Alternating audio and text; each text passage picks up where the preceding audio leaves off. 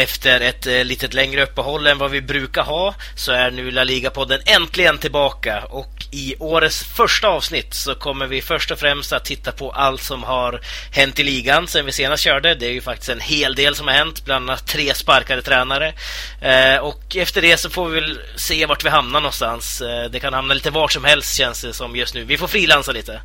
Ehm, Daniel Jakobsson heter jag och eh, med mig som sig bör är Sam Saidi. En, en väldigt klassisk reporterfråga till dig Sam. Hur känns det att vara tillbaka? Ja, den frågan, det mest klassiska man, man kan få. Väldigt klyschigt. Eh, ja, väldigt. Eh, det känns bra. Jag tror det är det mest klassiska svaret också. det, känns, det känns bra att vara tillbaka. Sen kan man inte riktigt säga varför det känns bra. Men det känns faktiskt jävligt bra. Ja. Eh, så det är gött att vara tillbaka och få lite rutin i vardagen igen eh, nu när det har varit julledighet och ja, ja, så det är kul och helt enkelt det är kul och det känns bra. Det är det korta svaret. Ja, precis. Äh, vi, vi har ju faktiskt varit borta mycket längre än vad vi brukar. Vi brukar inte vara borta fyra, fem veckor som vi har varit nu, men äh, saker och ting händer, men nu kör vi i alla fall, tänker ja, jag. Vi tog en vecka extra, va?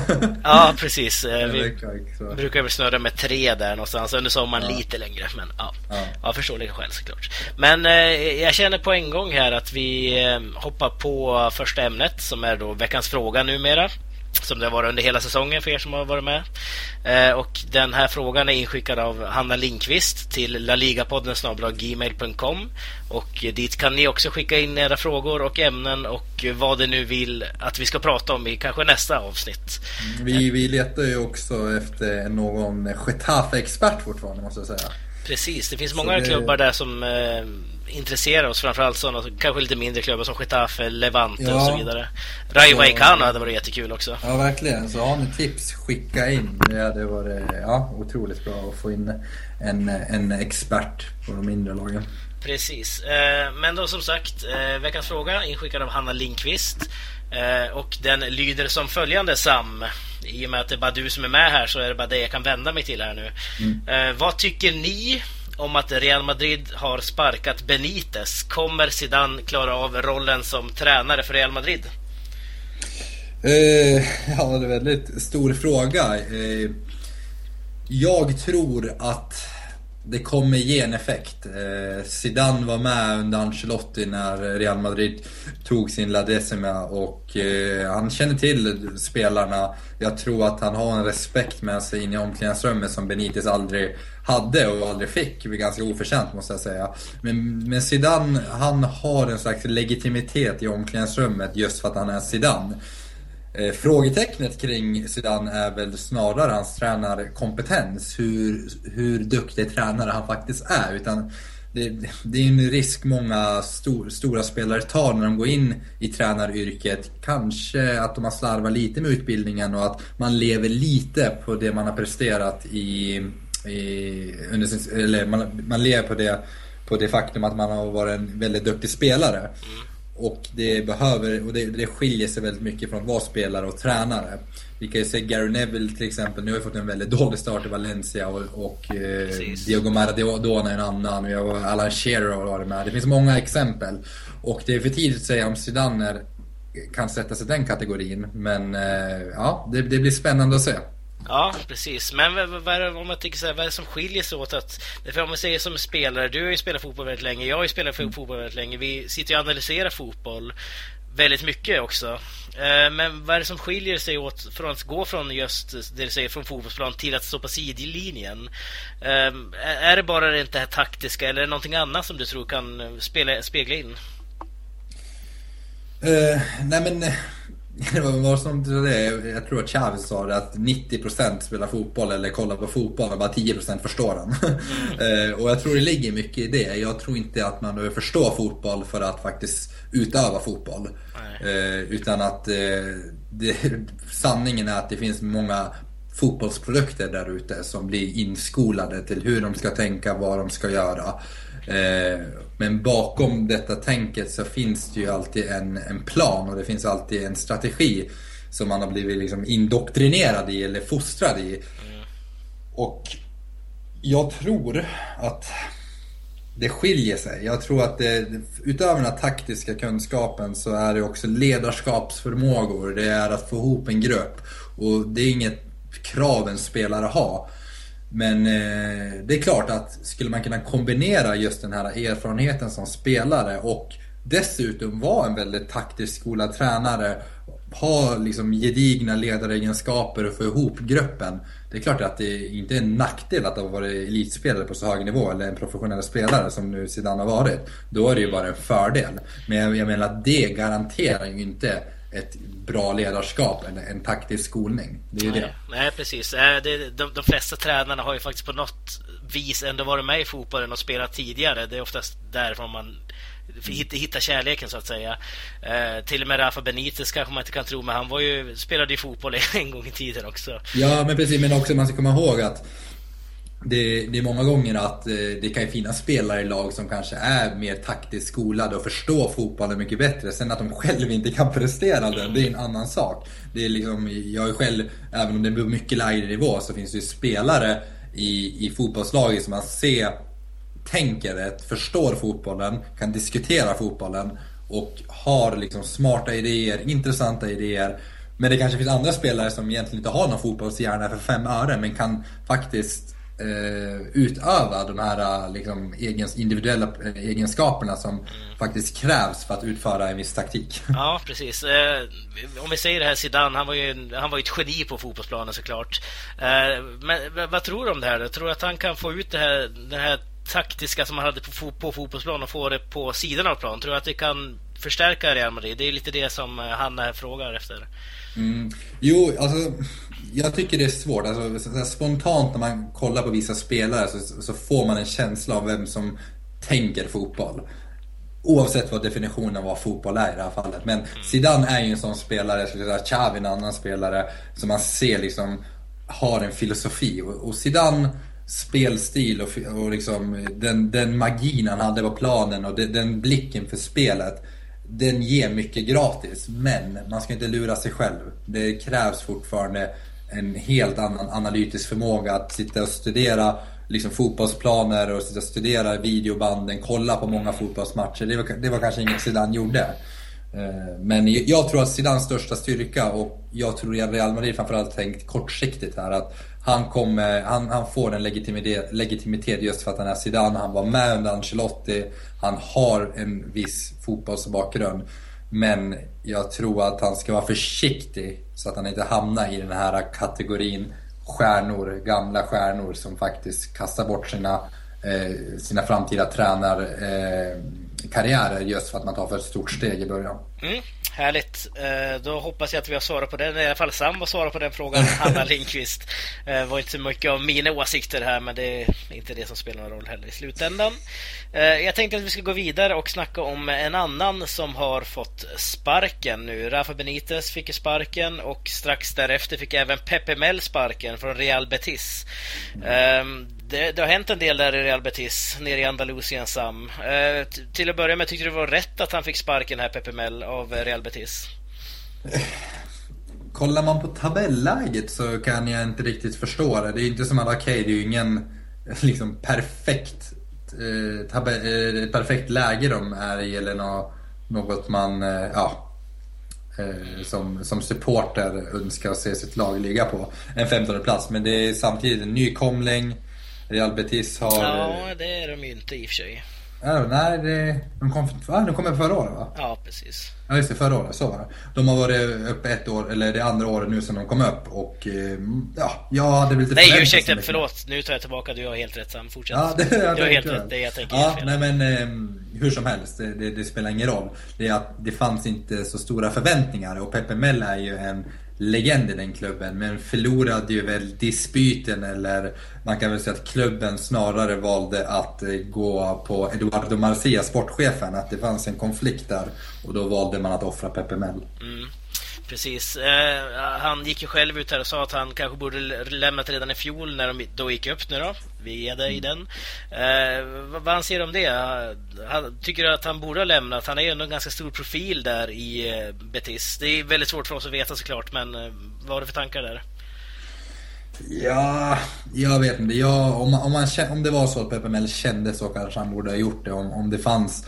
För eh, det jag har läst så är det ju just relationen med Dardo Masia som inte har fungerat. Mm. Och det har verkligen eh, påverkat Pepe Mel och han har många gånger hamnat i, i konflikt eller i, ja, med, med, med just Masia.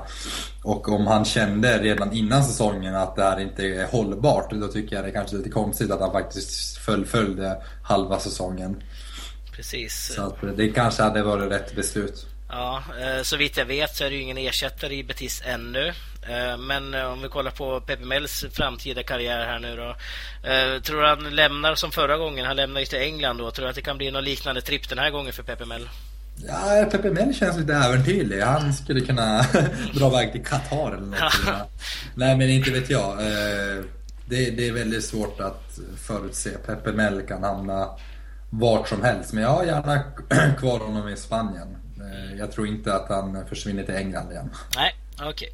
Okay. Eh, vi kliver vidare också precis efter det att vi körde sista podden där så fick ju även Sergio González. Det här tänkte jag vi tar lite kort bara. Vi kommer mm. återkomma till de här såklart i kommande pods också. Uh, men Sergio González fick sparken av Espanyol. Uh, ersättaren blev rumänen Konstantin Galcia Ursäkta uttalet om det blev fel. Eh, samma fråga där. Tycker du det var rätt att Sergio fick gå? Därför vi pratade ju, om vi lite bakgrundshistoria på det här, vi pratade med Per Isaksson bara två veckor innan tror jag det var. Eh, mm. Som bor nere i Barcelona, håller på Espanyol. Han sa att Sergio González var ju väldigt omtyckt nere i Espanyol.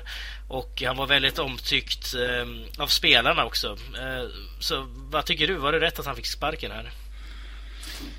Ja, det är svårt att säga och går man på Per eh, Isakssons ord så låter det ju helt eh, felaktigt. Men resultaten, ja, de kom ju en väldigt, alltså en stor svacka där, där man vann väl bara två matcher där på, ja, väldigt många matcher. Alltså nu, och det är bara fortsatt nu med Galcia. I och för sig har man just det på Barcelona nu också i cupen och i ligan. Eh, men ja, i och för sig tog man poäng mot Barcelona, det ska man inte komma ifrån. det, var starkt, det var starkt gjort. Men eh, förlorade mot Getafe här senast. Eh, jag kan inte svara på om det var rätt, men det kanske var lite förhastat. Alltså, det, det är ju ingen akut situation. Eh, det är inte som att man ligger på nedflyttning i, i Espanyol-lägret här. Nej. Eh, men Galcia har väl eh, varit i Stea Bucharest, gjort det ganska bra där. Så jag har inte så riktigt koll på honom och jag är inte säker på vad han ska kunna bidra med riktigt. Så det blir intressant att följa. Mm precis. Gamle Sergio González, gamle mittfältaren från Deportivo. Det var lite tråkigt mm. kan jag tycka med Deporan-knytningarna han hade. Eh, men mm. som sagt, vi kommer givetvis återkomma till de här eh, i kommande podcast också. Men det finns ju så mycket som vi vill ta upp så att vi ska faktiskt avbryta här nu eh, och stänga det rätt så att säga. Och när vi är tillbaka så ska vi analysera vidare av det som har hänt sedan vi senast hördes.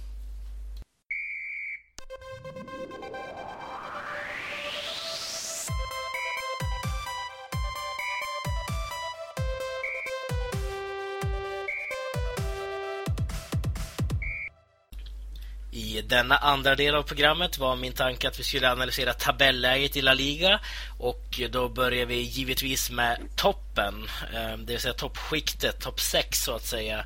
Eh, om vi kollar till topp 6 just nu så hittar vi Atletico Madrid på första plats, Barcelona andra plats, Real Madrid tredje plats, fjärde plats Villarreal, femte plats Celta Vigo och sjätte plats Sevilla. Eh, först och främst Sam, nu när jag rabblar upp de här lagen, topp 6 då, eh, se, ser du någon skräll här Sam? Kanske något lag som borde vara här eller något lag som kanske inte borde ligga här uppe? Ja, Villarreal är ju den största skrällen tycker jag. Eh, har gjort det riktigt, riktigt bra. Även om man har två matcher nu som, där man inte har lyckats vinna. Eh, men att de ligger topp fyra är ju över förväntan. Celta Vigo började ju väldigt starkt, nästan lite överdrivet starkt. Eh, har halkat tillbaka men verkar vara inne på vinnarspåret igen. Så att de två skulle jag vilja lyfta fram. Men även alltså någonstans så nu har man blivit, man, man är van med, vid Simeone och Atletico Madrid att de ska vara där uppe. Men man kan ändå inte någonstans känna, känna någon slags överraskning kring att de är så himla bra. Nej. De är, ja, eller? Nej, absolut inte. Det var inte det jag tänkte säga. Men jag tänkte bara, de leder ju ligan nu förvisso en match mer mm. än Barcelona. Men den matchen måste ju Barcelona någon gång spela också. Eh, men vad är det som gör Atletico Madrid så bra? Liksom år, de kan komma och gå något år så här och nu är de ju där uppe och slåss om ligatiteln igen här nu. Eh, kan det räcka hela vägen det här Sam? Ja, alltså ärligt talat så har Atletico, de, de känns så mycket starkare än 2014 när de vann ligan. Laget känns starkare, på pappret har de ett bättre lag, de har större bredd. Det är helt enkelt ett bättre lag. Eh, och kollektivet Atletico har under Simeone faktiskt utvecklats. Eh, och visst, man kan säga att de, vann inte, de vann inte förra året, men året innan vann de. Men sanningen är att man var faktiskt bättre förra året. Eh, och att man får inte bli blind av resultat alltid. Atletico har utvecklats, kollektivet har utvecklats under Simeone. Man har varit ett stabilt lag. Och jag kommer ihåg mellan, låt säga 2005 till 2010. På pappret var det alltid ett väldigt intressant lag. Men sen floppade det ofta när det väl kom ut i praktiken. Men med Simeone har det ju varit en, en helt annan kontinuitet. Och det, liksom, den här utvecklingen har ju bara gått framåt. Och eh, Atletico är lite som Kåke säger, en, har en av sina bästa perioder i, i klubbens historia.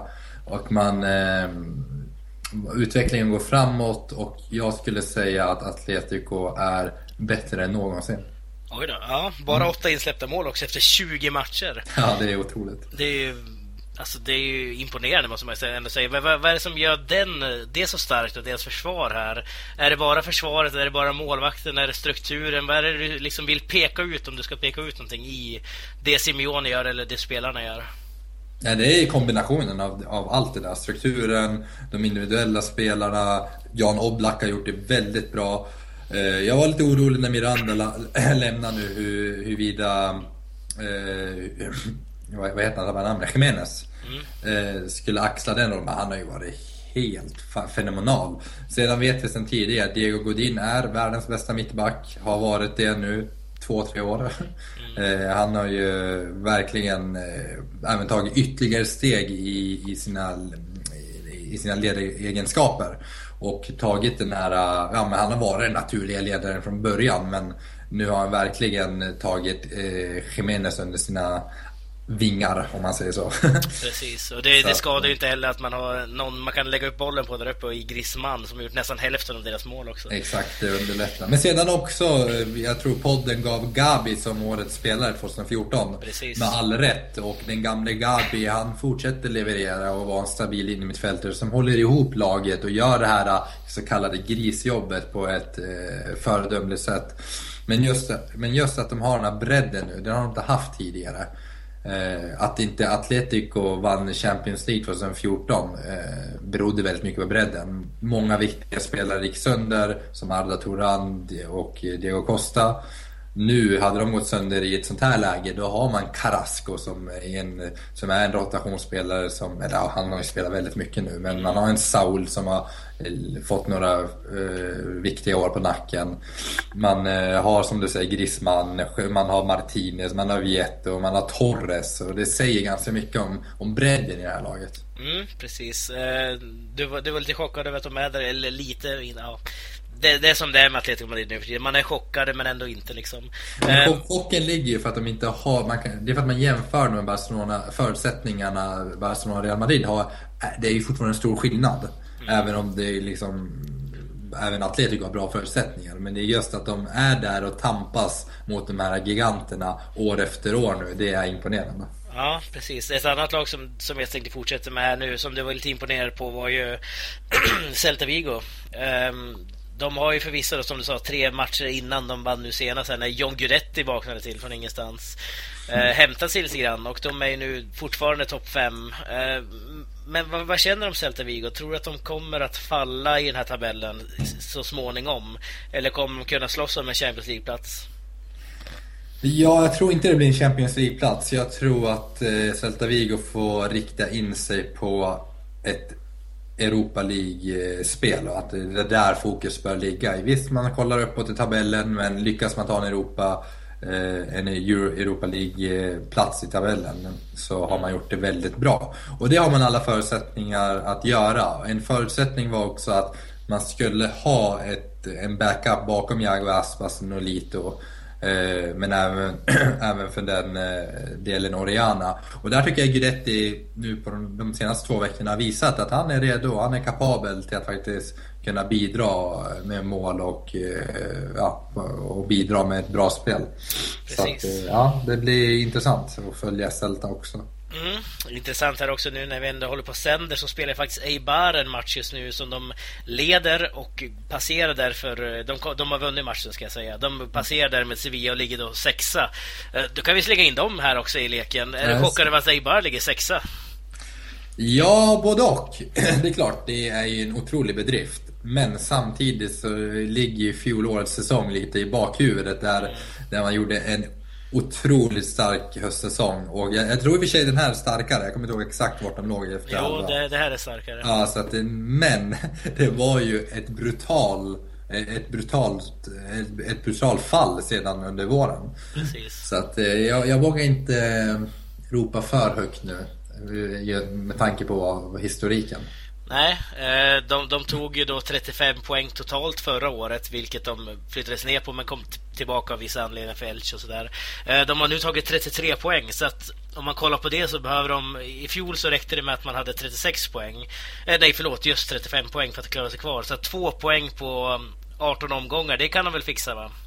Ja, det ska mycket till att de inte fixar det, men man vet aldrig. Nej, precis. Eh, men om vi kollar ner i tabellen när vi ändå är inne på det då. Eh, om vi kollar lite längre ner så har vi då bland annat Real Sociedad, Espanyol, Betis, Las Palmas, Granada och under strecket har vi Rayo Sporting Levante. Eh, samma fråga här. Är det, är det någon skräll här nere, tycker du? Någon chock som när du kollar på tabellen att oj, vad gör de här? Nej, det skulle väl möjligtvis vara jag kan inte räkna in Real Sociedad där och de är på väg uppåt till och med. Eh, men av de lagen du rabblar upp här så är det ganska väntat att de ligger där, det måste jag säga. Eller har du något själv att tillägga? Ja, alltså jag skulle väl kanske... Vallecano kanske? Ja, absolut. Och sen skulle jag väl kanske tänka mig att Getafe skulle kunna ligga där nere och jobba. Även Deportivo inför säsongen hade jag väl kanske tippat där. Mm. Ja, Rayo håller jag med. Det, det trodde jag faktiskt inte. Om vi kollar på Sporting Gijon exempelvis. De hade ju en jättefin start. Vi hyllade dem ju väldigt mycket eh, i avsnitt som Alexandra var med och pratade. Eh, men vad är det som har hänt i Sporting då? Har de tappat helt nu bara? Jag vet inte vad Allen Halilovic håller på med. Nej jag skojar, det är mycket mer i Sporting Gijon än Halilovic. Ja. Gamla Abelardo har ju, ja precis, gamla Abelardo har ju tappat det helt höll jag på att säga. Nu var det länge sedan man vann. När var senast man vann? Det var i november någon gång. Början av november. Ja precis, så att eh, det ser inte bra ut utan man måste vända den här negativa spiralen. December. Man måste Ja, det är december. Ja, man måste vända den här negativa trenden helt enkelt. Och eh, det gäller att de lite äldre spelarna tar tag i det här och visar vägen. Och där är ju definitivt tränaren Abelardo, den äldste av dem, en nyckelfigur. Precis. Sedan så ja, får vi se hur... Jag, jag tror de kommer vända det här till slut. Gijon har väldigt mycket kvalitet men det är att de faller ihop ibland på ett väldigt märkligt sätt. Och där, där måste man ändå rikta kritik mot Abelardo. Att, att eh, det finns en för dålig defensiv får man säga. En, en grund, ett, grund, ett grundläggande försvarsspel som man inte kan luta sig tillbaka på när inte allt sitter.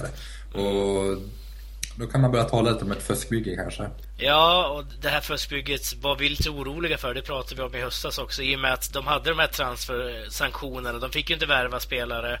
Eh, vi, vi, har två spelare över 30 bara och det är målvakter båda två.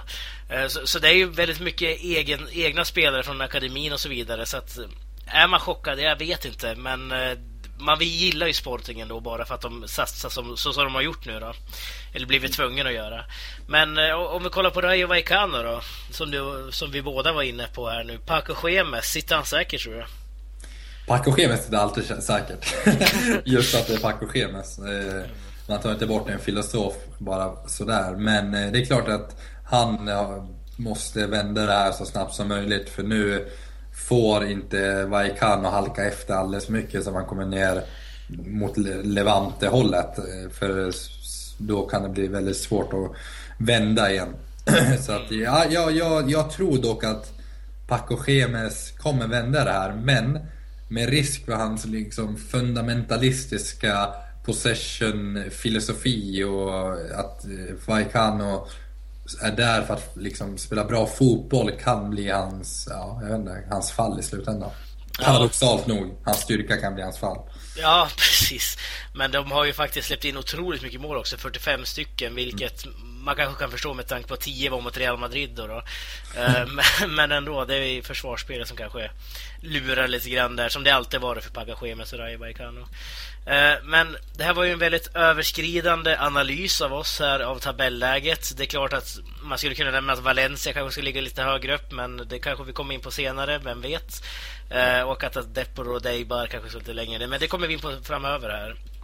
Eh, men eh, som sagt, en överskridande analys och eh, vi ska faktiskt stoppa del två här nu.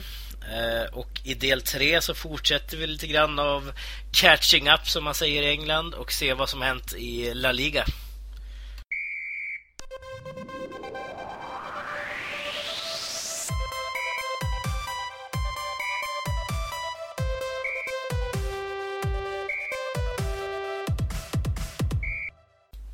Vi var tidigare inne på John Guidetti och jag tänkte här i den tredje och sista delen av avsnittet att vi skulle fortsätta prata lite grann om våran enda svensk i La Liga. Två mål senast mot Levante och eh, allting var frid och fröjd tills han byttes ut då Levante faktiskt var nära på att knycka en poäng i Galicien. Eh, vad är det du ser i Guidetti Sam som, eh, som man bidrar med i Celta Vigos spel just nu? Eh, ja, utöver Guidetti har för det första en otrolig energi på planen som smittar av sig. Eh, och det kan man, det kunde vi som följde u EM också se att det är liksom den energiska Guidetti, det smittar av sig på lagspelarna. Mm. Men om vi kollar mer på hans faktiska fotbollskunskaper så, så har jag verkligen lagt märke till Guidettis djupledsspel. Han tar väldigt, alltså otroligt Eh, smarta löpningar. Och han sliter väldigt mycket. Han, han springer mycket, han stressar mittbackarna. Eh, så ja, lyfter jag fram två särskilda egenskaper som gör Guidetti väldigt bra. Det är hans förmåga att hitta smarta löpningar men också hans, eh, hans eh, arbetskapacitet. Mm. Eh, och snabbheten såklart. Han är ju faktiskt eh, Han är väldigt duktig på att möta också måste jag faktiskt säga. Eh, vilket han kanske var lite för bra de inhopp han hade i början där när Celta Vigo exempelvis ledde matcherna. Men det kan ju vara någonting som Berizzo har sagt till honom att göra också, vem vet. Eh, men, men, som du säger, jag, jag, håller med. Jag tycker det är bättre som nu mot Levante när han faktiskt går på de här bollarna. Han står ju rätt också vid två tillfällen. Andra målet är ju otroligt snyggt måste man ju säga. Mm. Eh, härlig passning av Daniel Vassar. Den var vass. Vass passning. Ja. Vass. ja, Oj, vilket dåligt skämt det där var. Ja, men det, den passningen är värd att hyllas. Helt ja. klart. Och bra eh. avslut. Mycket bra avslut. Det är också något han är duktig på. Han har bra avslut. Mm, det får man inte ta ifrån honom. Eh, men om vi jämför honom, hans största konkurrent är ju faktiskt eh, Iago Aspas. Eh, I den här matchen så spelade ju John Guidetti längst upp och Aspas spelade ju lite mer som släpande anfallare. Vad är det som skiljer Guidetti från Aspas? Och kan man använda båda de här två samtidigt tror du? Som man gjorde nu? Uh, ja, matchen mot Levante är ju ett exempel på att man faktiskt kan göra det även om jag på förhand inte trodde det skulle gå. Att uh, Guidetti och Aspas faktiskt slåss om samma, samma position. Men Aspas har ju andra egenskaper. Han är även den här, han, han kan också ta de här smarta löpningarna, ligga rätt, peta in bollar, mycket bra avslut och så vidare. En helt okej snabbhet. Men han är också liksom har mer åt det här Nolito-hållet. Han är väldigt teknisk. Han är väldigt så här, kan flyta förbi motståndarna två som han gjorde där på sitt mål nu. Han bara flyter förbi eh, sina motståndare och, och, det har inte Guidetti på samma sätt. Guidetti är lite mer, ja vad ska man säga, nära mer center-nian.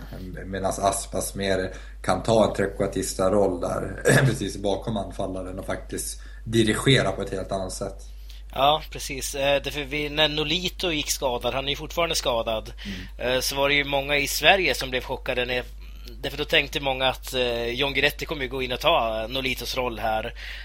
Men sanningen är ju den att vi som faktiskt följer Celta Vigo, det är kanske inte så många som gör det, som läser bara Aftonbladet exempelvis, vet ju att Nolito inte alls har en liknande roll som Guidetti har. Mm. Där har ju Bongonda exempelvis kliver in. Även Josef Senje var ju där och snurrade ett tag eh, som de plockade från B-laget. Eh, känner du här nu, om vi ska lyfta den frågan, skulle du vilja se Guidetti på exempelvis en kantroll som Nolita har? Skulle det kunna funka? Mm, klart det skulle funka, men jag tror inte det hade varit optimalt varken för Celta Vigo eller för Guidetti. Så jag tror att Berizzo har gjort helt rätt här och att inte, inte spela Guidetti på Nolitos plats för att de har skilda skilda uppgifter på planen även om man på pappret står att det är tre anfallare som spelar där.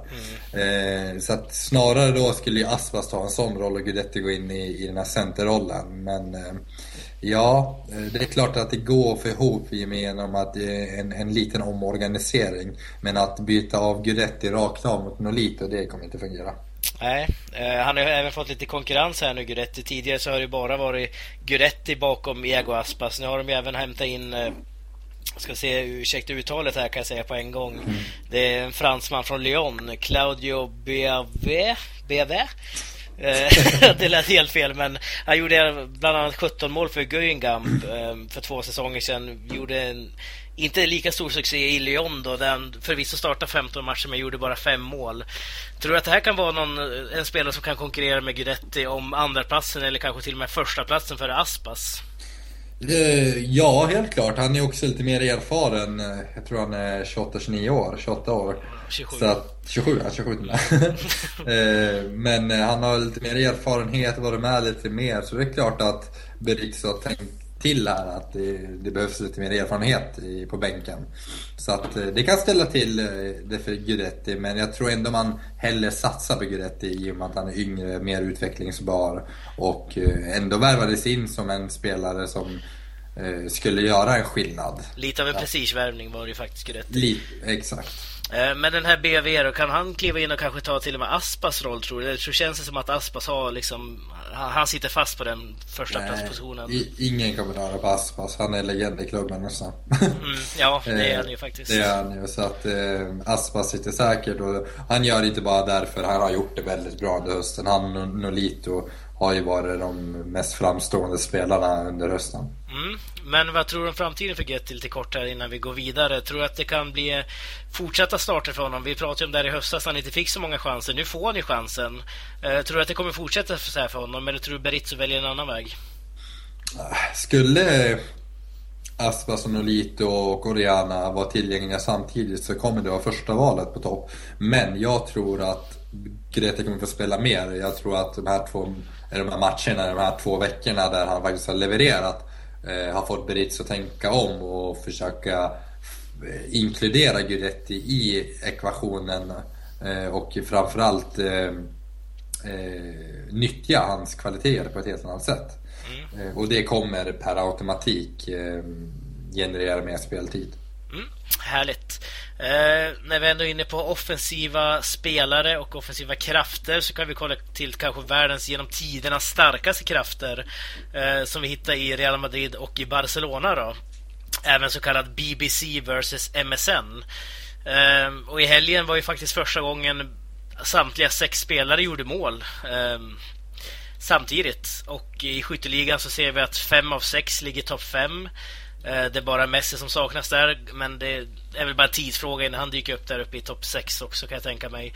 Men om, om vi jämför de här BBC versus eh, MSN, det är ju faktiskt eh, två sjuka eh, trios måste man ändå säga. Eh, vad, vad skiljer de åt till att börja med Sam?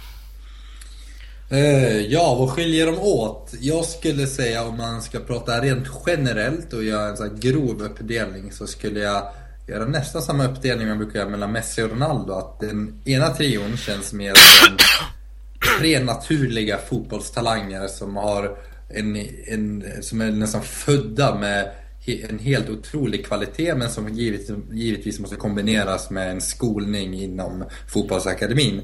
Vilken Medans, är det då tänkte du? Vad sa du? Vilken trio var det då, tänkte du? Det var MSN. MSN, ja. Eh, Ja, precis. Messi, Suarez och eh, Neymar. Medan den andra trion å andra sidan, som också är en helt fantastisk trio med Ronaldo, Benzema och eh, Bale. Och då tycker jag i synnerhet Bale och Ronaldo är mer produkter. Är produkter av fotbollsakademin som har, liksom, är praktexempel på hur unga spelare, eller är exempel på vad unga spelare ska kolla på. Det är fysiska exemplar, det är, de löper exemplariskt, de har en touch som är exemplarisk. Allt är efter skolboken. Och eh, medan den andra trion då, som sagt, MSN, är lite mer. Ja. den, är, den är även över skolboken, men inte på samma sätt som BBC. Men den har en annan naturlig dimension. Den har en, komp- alltså en spetskompetens eller en egenskap att kunna göra det omöjliga. Men hur tänkte mär- Märks det på plan tycker du? Eller är det mer bara rent fysiskt du kollar på de här spelarna? Nej, det handlar inte om fysi- fysiken. Det handlar också om eh, liksom de kvaliteterna att ha. Det, det, det, det manifesteras ofta på, eller genom teknik och så. Och det manifesteras också eh, genom eh, hu- hur man på egen hand kan eh, eh, förändra en matchbild. När man kan helt plötsligt på egen hand göra bort fyra gubbar och sätta upp den i krysset liksom. Och det kan givetvis BBC också göra. Men det, den, den, det sker mycket oftare eh, för MSN då, eller för, de, för de typerna av spelarna som kan vara det här lilla extra. Medan BBC är mer en del av kollektivet på ett helt annat sätt och som givetvis är högst upp i hierarkin. Eh, och, i, och det gäller i synnerhet Ronaldo. Men som följer den här skolboken, gör det till punkt och pricka och gör, kan man göra det då kommer det, även- då, då visar det sig även i resultat. Ja, precis. Eh, skulle man plocka bort de här sex spelarna från de här två lagen då, så skulle det givetvis förändra en hel del. De har gjort en hel del mål också. Det, det, jag tror du hade någon statistik på det, att det var 62 versus 66 eller något sånt där. Ja, 66 versus 60, vad sa jag? Ja, ja det var något liknande Ja. i alla fall. eh, Den här säsongen då, inklusive alla kupper då. Eh, Men om, om man skulle ta bort de här spelarna, vilket lag? Det är givetvis ganska osannolikt att plocka bort alla sex såklart. Men vilket lag skulle tappa mest på det tror du? Oj, det är en svår fråga. Mycket svår fråga. Eh, Jag kan tyvärr, jag passar på den. Du passar, Jag- det är nog första gången du passar, Ja, det jag. passar. Ja, jag kan inte riktigt komma på något svar. Jag tror båda skulle tappa väldigt mycket, måste jag säga. Eh, Ja. Men jag kan nog inte gardera exakt vilka som tappar mest. Nej, då, då slänger jag till mig. Jag tror att eh, Barcelona skulle tappa mest på det här. Okej, hur motiverar du det? Eh, jag- Jag är ju ingen analytiker, eh, men jag kan väl tycka att Real Madrids mittfält kanske många gånger är starkare än Barcelonas mittfält, i alla fall på pappret. Eh, Och får man ut en James Rodriguez i stor form, Luka Modric och så vidare, Toni Kroos, så tror jag att man skulle kunna få de här målen ändå, eh, oavsett vem som är anfallare. Nu vill jag ju inte ta bort Barcelonas kompletta mittfält heller såklart, men jag, jag, jag har den känslan i alla fall. Jag tror att Barcelona skulle drabbas mest om MSN försvinner än om BBC försvinner i Real Madrid. Kommentar på det? Nej, jag passar återigen. Jag, kan, jag, jag köper inte riktigt att eh, Real Madrids mittfält är bättre och med det sagt menar jag inte att Barcelonas mittfält är bättre heller. Jag kan inte riktigt avgöra vilket mittfält som är bättre. Men jag värderar ju Busquets och liksom även Rakitic och Iniesta bland de allra bästa i världen. På samma sätt som Modric och eh, eh, Kroos och James också när de kom upp i normalstandard där, där i toppen. Så att jag tycker de har ganska jämnbördigt mittfält. Eh, Nej, nej jag, jag passar helt enkelt. Mm, du jag lämnar passar helt- helt och helt och hållet. Ja, jag gör det. Ja, okej. härligt. Eh, om vi ställer lite kanske enklare fråga då. Har det någonsin funnits två lag med så bra anfallare samtidigt i världshistorien, i fotbollshistorien om vi säger så? Då skulle jag framförallt säga, men sen eh, när det gäller den trion så är det nog fotbollshistoriens absolut bästa trio. BBC, där finns det konkurrens. Mm. Okej, härligt. Eh, men vi börjar faktiskt närma oss slutet av årets första mm, podcastavsnitt och eh, innan vi gör det dock, innan vi slutar, så ska vi givetvis tippa veckans match. Eh, senast vi tippade så var det ju Real Betis mot Sevilla. Då var det bara du och jag också. Nästa vecka kommer det för övrigt en gäst till oss också, så ni behöver inte bara lyssna på våra röster då. Eh, men innan jul så tippade vi i alla fall Real Betis Sevilla i det andalusiska derbyt, eller Sevilla-derbyt om man så vill. Och det var en match som slutade 0-0. Sam, du tippade 2-1 till Real Betis. Eh, och jag tippade ju faktiskt 1-1 där. Mm. Så det betyder att jag får en poäng till slut. Välkommen. Tack, tack, tack. Är det törsta? Nej. Nej, nej, nej, nej, nej. Herregud. Eh, vi ska i alla fall tippa en ny match den här gången som spelas till helgen. Om det är lördag tror jag det är. Eller söndag kanske det var. Någon av dagarna i alla fall. Det är en söndag. Och det är matchen mellan Atletico Madrid och eh, Sevilla. Vi slänger in Sevilla på bortaplan här igen. Eh, vi börjar med dig Sam. Hur går det i Atletico Madrid-Sevilla? För det första är det en väldigt bra match som våra lyssnare bör kolla på och som vi också borde kolla på. För den, en väldigt bra match. Men jag tror att Atletico drar längsta strået. Så 2-0 till Atletico. Ja, så 2-0 säger du. Det var exakt det jag hade tänkt säga. eh, men eh, då hittar vi på någonting annat då. Jag tror inte att Atletico Madrid släpper in mål. De har ju varit väldigt starkt där. Eh, Sevilla har väl gjort en del mål i och för sig, men inte tillräckligt för att de ska bräcka det. Nej, jag säger 1-0 till Atletico Madrid då. Va? Griezmann gör enda målet precis. Härligt. Eh, Sam, ska du köra veckolistan då? Första, mm. Årets första veckolista.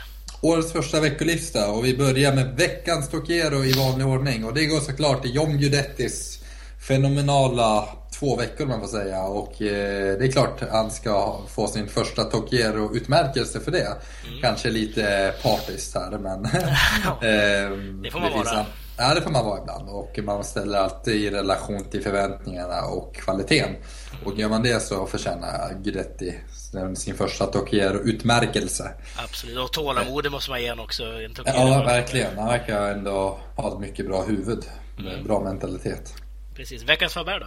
Veckans Faber går till den gode Gary Neville som inte har fått en bra start. Faktum är att han har gjort det sämre än eh, Nuno Espirito Santos sen han tillträdde och eh, ja, vi får se huruvida Neville lyckas vända denna negativa trend. Men eh, han har gjort sig förtjänt av en Faubert-utmärkelse. Det gick fort. Mm, det gick väldigt fort. Jag tror det är, om det är sju matcher nu utan seger, eller sex matcher i alla fall utan seger. Mm och det har inte varit jättesvåra motståndare och på vissa matcher som Vallecano senast och Real Sociedad och Getafe och så vidare. Men ja, absolut. Ja, den köper jag verkligen. Gary Neville där. Men eh, du Sam, nu börjar vi närma oss slutet här på sista avsnittet av La Liga-podden 2016. Eh, men innan vi gör det så vill jag... Har du sista? Första avsnittet alltså, jag Sa, sa jag sista? Ja, det kanske jag gjorde. Alltså, sista, ja, men man är ju lite ringrostig. Det har ju varit några veckor sedan. Ja. Eh, första och sista. Ja, men eh, första avsnittet ska det vara såklart. Mm. och ni får ju som sagt, ja, vi, vi, har ju lagt upp en artikel på Svenska fans också. Där vi uppmanar er till att skicka in frågor och vi vill ju jättegärna att ni ska vara med i podden också. Vi bjuder in de flesta som vill och det vore jättekul om ni vill medverka och ge, dela med er av er kunskap. Vi vet att den finns där ute så att säga. Mm. och ni gör det då till laligapodden gmail.com gmail.com och ni kan även besöka laligapodden.se eh, Alltid lite osäker där, men det är SE i alla fall. Mm. Eh, och där kan ni kolla på lite gamla klipp, eller lite gamla Ja, jag tror vi avslutar här helt enkelt. jag tror vi gör det. på gamla avsnitt. Ja, gamla avsnitt, precis. Härligt. Ja. Men eh, tack så mycket för dig Sam. Vi hörs nästa vecka. Det gör vi. Hej då. Hej då, hej då.